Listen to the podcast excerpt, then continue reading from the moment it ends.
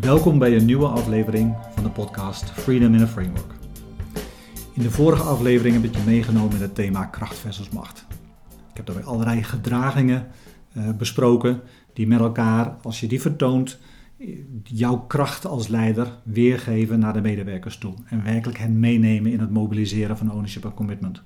En ik heb ook aangegeven hoe die kracht kan ontsporen in macht. En dan juist tegen je gaat werken. In deze aflevering staat het hele proces van keuze maken en het nemen van keuzes centraal. Het gaat in wezen over problemen oplossen en besluitvorming. Datgene wat we dagelijks doen in een organisatie. Zoals ik ook vorige keer aan heb gegeven, opnieuw hoort hier een diagram bij. Eh, dat diagram kun je terugvinden op mijn website. Het thema van keuzes. Het thema van problemen oplossen en besluitvorming. Dagdagelijks maken wij mensen permanent keuzes. Het keuze maken van wat wij doen. Gaan we linksom, gaan we rechtsaf? Gaan we door of stoppen we juist? Nemen we koffie of nemen we thee? Gaan we in gesprek of gaan we niet in gesprek? Het maken van keuzes is een continu proces in ons mensen. Het kan gebeuren dat wij mensen tegen onszelf zeggen: we hebben geen keus.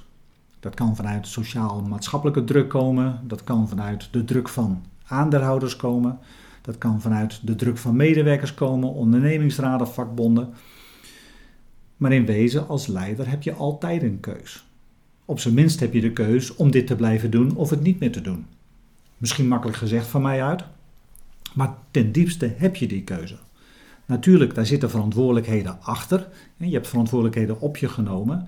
En zolang je die verantwoordelijkheden bij je draagt, werk je binnen het framework van die verantwoordelijkheden. En daarbinnen maak je de keuzes en neem je de keuzes die je hebt. En voer je de keuzes ook uit die je hebt genomen. De besluiten die er zijn, die er zijn ontstaan. Wil je nou op een zo krachtige manier ownership en commitment mobiliseren bij jezelf en bij je medewerkers, dan weet je dat keuzes echt voor jou moeten kloppen. Als jij bij jezelf nagaat, keuzes die je gemaakt hebt in je leven, waar je echt energie van kreeg, waar je achter stond, waarmee je aan de slag wilde en die je ten volle uitgevoerd hebt, dat waren de onderwerpen dat toen je daar de keuze over maakte om dat te doen, stond je er ten volle achter. Dan werkt het en dan kun je door. Maar er ten volle achter staan is niet iets wat vandaag op morgen gaat. Niet iets wat in een split second gebeurt. Zeker bij grote onderwerpen waarmee je in een bedrijf aan de slag bent. Opnieuw de veranderingen, de groei, organisatieveranderingen, etc. etc. Dat zijn onderwerpen die vragen overwegingen. Al die overwegingen zijn keuzeprocessen. Al die keuzeprocessen bij elkaar opgeteld leiden tot het oplossen van een probleem en leiden tot een besluit. Jij weet voor jezelf als leider, als ik daar ten volle in betrokken ben, bij, uh, ben, ben geweest, hè? als ik daar ten volle bij betrokken ben geweest, aan heb deel kunnen nemen, dan weet ik ten volle hoe het in elkaar zit en ervaar ik in mezelf, inderdaad, ik sta erachter, ik heb al mijn energie erbij. Exact hetzelfde geldt voor jouw medewerkers. Als zij ten volle betrokken zijn geweest in de processen van het maken van keuzes, dan komt die energie vrij.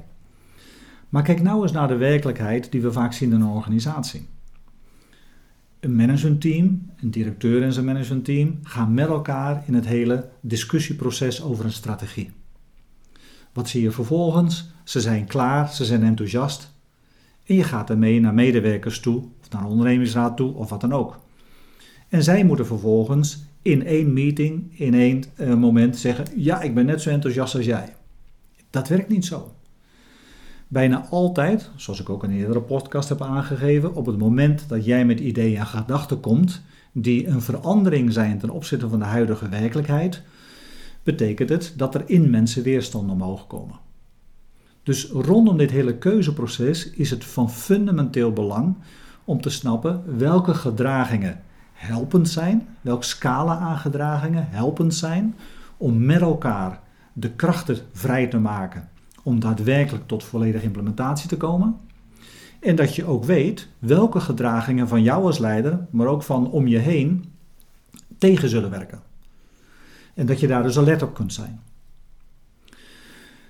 Dus laat me weer meenemen in welke krachtenvelden in jouzelf als mens en ook in jouw medewerkers als mensen dit keuzeproces beïnvloeden. Nou, in wezen kom ik dan terug op het hele fenomeen van ratio en emotie. Want je kunt je voorstellen, op elk moment in het gesprek zijn de hersenen van ons aan het evalueren van wat er feitelijk gebeurt. Mensen zullen ervaren dat ik open ben in het keuzeproces om ook anderen te betrekken, als, ik tegelijkertijd, als ze ervaren dat ik tegelijkertijd kan werken met iets wat heel logisch is en ook kan werken met iets wat nog niet veel logica in zich lijkt te hebben. Dat ik kan werken met iets wat al helemaal uitgekristalliseerd is, wat we vaker hebben gedaan en wat vanzelfsprekend is, maar ook met ideeën en gedachten die misschien in mij op dit moment nog niet zo logisch lijken, maar die van andere mensen komen en waarvoor ik me wel open kan stellen. Als ik namelijk alleen maar ga voor datgene wat voor mij logisch is en alleen dan met hun mee wil denken, zullen zij van mij ervaren dat ik rigide ben in mijn logica. En dat ik alleen maar dat wil doen wat een voor mij vanzelfsprekende, volledig doordachte overtuiging in zich herbergt. Als ik daarentegen aan het andere uiterste ook meebeweeg met in situaties waarin geen enkele logica voor mij te vinden is, ja, dan zullen ze hun vraagtekens hebben met mij als leider. Dat werkt ook niet. Dus mensen zullen zich voor mij openstellen om mee te gaan in mijn denkprocessen als ik af, afwisselend kan werken met iets wat zowel logica heeft als wat nog niet zoveel logica heeft. Tegelijkertijd is het belangrijk om in de context van de emotie dat mensen kunnen zien dat ik zowel kan werken met datgene wat goed voor mij voelt, als met datgene wat op dit moment nog niet goed voor mij voelt. Wat op dit moment wellicht wat onprettig voor mij voelt. Dat ik dat niet onmiddellijk afwijs, maar dat ik zeg: hey, vertel eens meer. Het voelt nog niet goed voor mij, maar vertel eens meer. Dat ik me daarvoor open kan stellen. Als ik namelijk alleen maar wil werken met datgene wat goed voor mij voelt, zullen ze mij als een popiopie of iets dergelijks ervaren, die alleen maar in de vrolijke dingen van het leven mee wil gaan en die onplezierige boodschappen of dingen die nog niet plezierig zijn helemaal niet wil horen. Op het moment dat ze ervaren dat ik alleen maar wil werken met datgene wat onplezierig is en anders, hè, dus alleen bij slecht nieuws moet je me storen en goed nieuws moet je gewoon doorgaan, zeggen ze ja, dat werkt ook niet. Zal overigens ook niet veel gebeuren, dit uiterste, maar je kunt je voorstellen dat dat ook niet werkt. Kortom, in het hele keuzeproces is het belangrijk dat ik afwisselend kan werken met iets wat logisch is en wat nog niet logisch is, iets wat goed voelt is en wat nog niet goed voelt. En dat toon ik aan de hand van de volgende gedragingen. De, de vier gedragingen die daarin behulpzaam zijn, dat mensen daarin vertrouwen kunnen krijgen, dat ik open ben in dit soort processen van eh, problemen oplossen en besluitvorming, is dat ik in staat ben om het echt te doen. Dus ik ben bijvoorbeeld als het plezierig is en als het voor mij logisch is, dat ik laat zien, we gaan het doen. Dat ik daar stevig in sta en dat ik zeg, oké, is helder, we gaan het uitvoeren, we gaan het implementeren, we gaan het doen. Dus ik laat mijn doekracht zien. Ook aan de plezierige kant, die plezierig voelende kant, is het voor mensen als ik nog niet zo sterk de logica voel, maar het voelt wel goed voor me. Dat betekent dat ik tegen mensen kan zeggen: Oké, weet je, het mag nog niet helemaal logisch voor me zijn. Het voelt wel goed voor me. Weet je wat? Ga het eens nader onderzoeken. Als ik aangeef ga het eens nader onderzoeken, dan stimuleer ik mijn collega's, mijn medewerkers die een idee en een gedachte hebben, om met hun eigen ideeën en gedachten te komen. En, zoals ik in de heel, een van de allereerste podcasts al heb aangegeven, hun uniciteit op tafel te leggen en met hun kwaliteiten, hun ervaring en expertise te komen. Zeer stimulerend in het kader van problemen oplossen en besluitvorming. Wat ook heel gezond werkt en goed werkt, dat zijn de, de gedragingen. Als ik bijvoorbeeld al wel zie dat iets logisch is, maar het voelt niet helemaal goed. En dat betekent dat ik op dat moment op actieve manier laat zien dat ik aarzel. Als collega's, als medewerkers van mij zien als leider dat ik actief aarzel, en zeg van, nou, zit wel wat in, is wel logisch, maar het voelde niet helemaal goed voor me. Dat betekent dat ze ook zullen vertrouwen dat op het moment dat ik zeg, oké, dit is goed, dit is helemaal goed, dit gaan we doen. Dat ze ook weten dat als ik het niet goed voor me voel, dat ik het ook zal zeggen. En dat er ook voor hun legitimiteit ontstaat, als het niet, nog niet helemaal goed voelt, dat ze ook zullen zeggen: Ja, ik aarzel nog. Want als ik die aarzeling onderdruk, ik heb het in een eerdere podcast aangegeven, maar hier geldt het ook, als ik hem onderdruk, dan zal ik op dat moment de energie in mij en de informatie in mij, mijn unieke eigen gedachten onderdrukken. En dat betekent dat mijn volle energie om tot implementatie te komen en echt het probleem op te lossen en achter het besluit te gaan staan, niet aanwezig is. De volgende gedraging, die ook nog steeds zeer behulpzaam is om tot een kwalitatieve probleemoplossing en besluitvorming te komen, is vaak een van de meest lastige. Het is de situatie waarin, ik als, als, waarin mijn medewerkers bijvoorbeeld met een voorstel komen, of er ideeën zijn over een, uh, over een veranderingsproces, maar waarbij ik nog niet echt de logica van zie en het voelt ook nog niet helemaal goed voor me. Op dat moment is het heel belangrijk om dat niet gelijk af te wijzen. Want dan voelen medewerkers zich afgewezen. Op dat moment is het constructieve gedrag wat ik kan vertonen, is dat ik een pas op de plaats maak. Als ik een zeg van, hoor eens, ik moet echt even een pas op de plaats maken. Ik ben nog niet met jullie mee in de logica, ik ben nog niet met jullie mee in hoe het voelt. Laten we nog eens even een volgende ronde gaan doen van het nader uitzoeken hiervan. Want ik wil graag wel tot een situatie van doen komen, van implementeren. Maar kan nu nog niet mee. Het woordje nog is heel belangrijk hierin. En zo laat ik op basis van mijn eigen rationele en emotionele overwegingen, laat ik vier gedragingen zien en kan ik ook bij mijn medewerkers vier gedragingen stimuleren die zeer constructief zijn. Dat is dat ik het doe en implementeer. Dat is dat ik het nader ga onderzoeken. Dat is dat ik een aarzeling toon en dat ik de pas op de plaats vertoon. Maar als ik deze vier gedragingen niet goed in beheer neem, kunnen ze ook makkelijk weer ontsporen en ongezond worden voor relaties en resultaten in de context van problemen oplossen en van besluitvorming. De eerste is dat doen. Als ik enthousiast ben en ik zie de logica en ik ga het doen, dan is het risico dat ik het te logisch vind en te enthousiast erover word.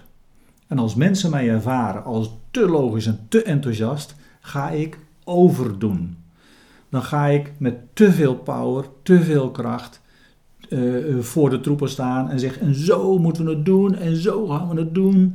En dan ervaren mensen met, in mij niet echt het fundament meer dat er voor hun mogelijk is om met weerwoord of met aarzelingen of met wat dan ook te komen.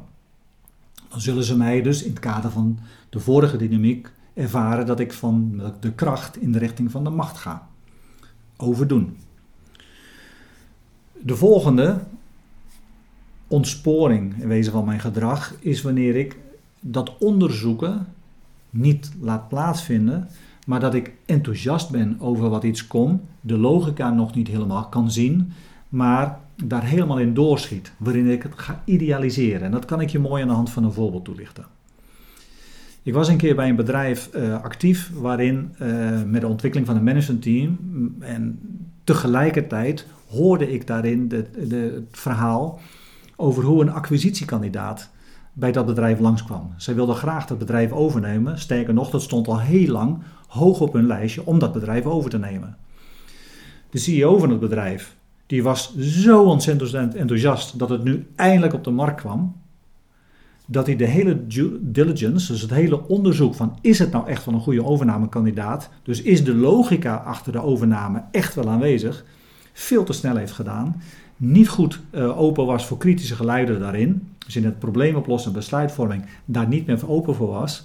Maar in wezen de overnamekandidaat vanaf het begin idealiseren. En nog steeds herhaalde zijn idealisering. En als gevolg daarvan, ze hebben hem inderdaad overgenomen. Maar later in dat proces, toen ze daadwerkelijk met, de, met dat bedrijf aan de slag gingen, kwamen er allerlei eh, lijken uit de kast. En kwamen er vele, vele, vele problemen die als ze de logica goed hadden onderzocht, in balans met hun enthousiasme, die allemaal op tafel hadden kunnen komen, waardoor ze een veel gebalanceerder eh, overnamebedrag hadden kunnen betalen voor het bedrijf, wat veel realistischer was geweest en misschien wel uiteindelijk van de overname afgezien zouden hebben. Dus hier zie je een voorbeeld dat onderzoeken is heel belangrijk, Als je enthousiast bent, maar de logica nog niet ziet. Maar je moet er niet in doorschieten. Dat je zegt van oké, er is geen logica, maar ik ben zo enthousiast, ik ga het doen. Dan wordt het idealiseren. Ook dat aarzelen, gaf ik al aan, is een krachtige gedraging in de context van problemen oplossen en besluitvorming. Je ziet dus wel de logica, het voelt nog niet helemaal goed, dus je aarzelt. Als die aarzeling in jou geen ruimte krijgt, of als je aan jouw medewerkers geen ruimte geeft voor die aarzeling, dan gaan ze doorschieten naar het extreem. En dat is dat ze weerstand gaan vertonen. Dat ze actief weerstand gaan vertonen. En dat zie je dus terugkomen bij medewerkers in een veranderingsproces. Je ziet het bij ondernemingsraden, et cetera, terugkomen. Als ze niet genoeg betrokken zijn in het kunnen en mogen verwoorden van hun aarzelingen, gaan de weerstanden op tafel komen. Dus het actief aangeven, het actief ruimte daarvoor hebben, is dus ontzettend wezenlijk. Ook de vierde is heel belangrijk hierin. Dus op het moment dat, medewerkers, uh, dat collega's, je bent met hen in gesprek, ze zien de logica nog niet helemaal. En het voelt ook nog niet goed voor ze. Ze maken een pas op de plaats. Ze willen echt even een pas op de plaats maken voordat ze met je meegaan om het echt nader te onderzoeken. Heb je daar geen ruimte voor, dan gaan ze het afwijzen. Dan gaan ze echt je voorstel ten volle afwijzen. En dan gaan ze publiekelijk zeggen van dit is gewoon een fout voorstel, verkeerde kant op, et cetera, et cetera. Ze gaan misschien het bedrijf verlaten, maar op alle manieren zul je merken dat ze datgene wat jij aan het doen bent en wat jij wilt gaan afwijzen. Precies niet wat je wilt. Op het moment dat je wel ruimte hebt voor de passende plaats, dat betekent dat in het proces van besluitvorming en van problemen oplossen er iets nieuws kan gaan gebeuren. En uiteindelijk hun inzichten of jouw inzichten zich kunnen verrijken en gezamenlijk tot een veel kwalitatiever besluit en een kwalitatiever opgelost probleem kunnen komen. Op deze manier, in deze dynamiek, zijn er dus opnieuw vier gedragingen die essentieel zijn in het proces van besluitvorming en, en, en probleemoplossing. Zowel bij jouzelf als ook om die toe te laten bij je medewerkers. Natuurlijk is dat het meest prettige gedrag wat iedereen wil van het doen en het implementeren. Daarnaast is het van belang dat als het nog niet helemaal in orde is, dat je ruimte geeft om het te onderzoeken. Je geeft ruimte dat er geaarzeld kan worden. Je geeft ruimte dat er een pas op de plaats gemaakt kan worden.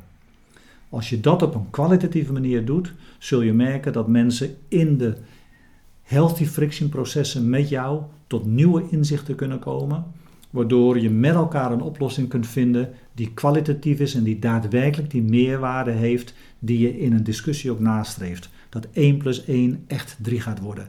En dan is de kracht ten volle aanwezig om tot implementatie te komen. In de volgende aflevering ga ik in op het thema van de groei. Dankjewel voor nu.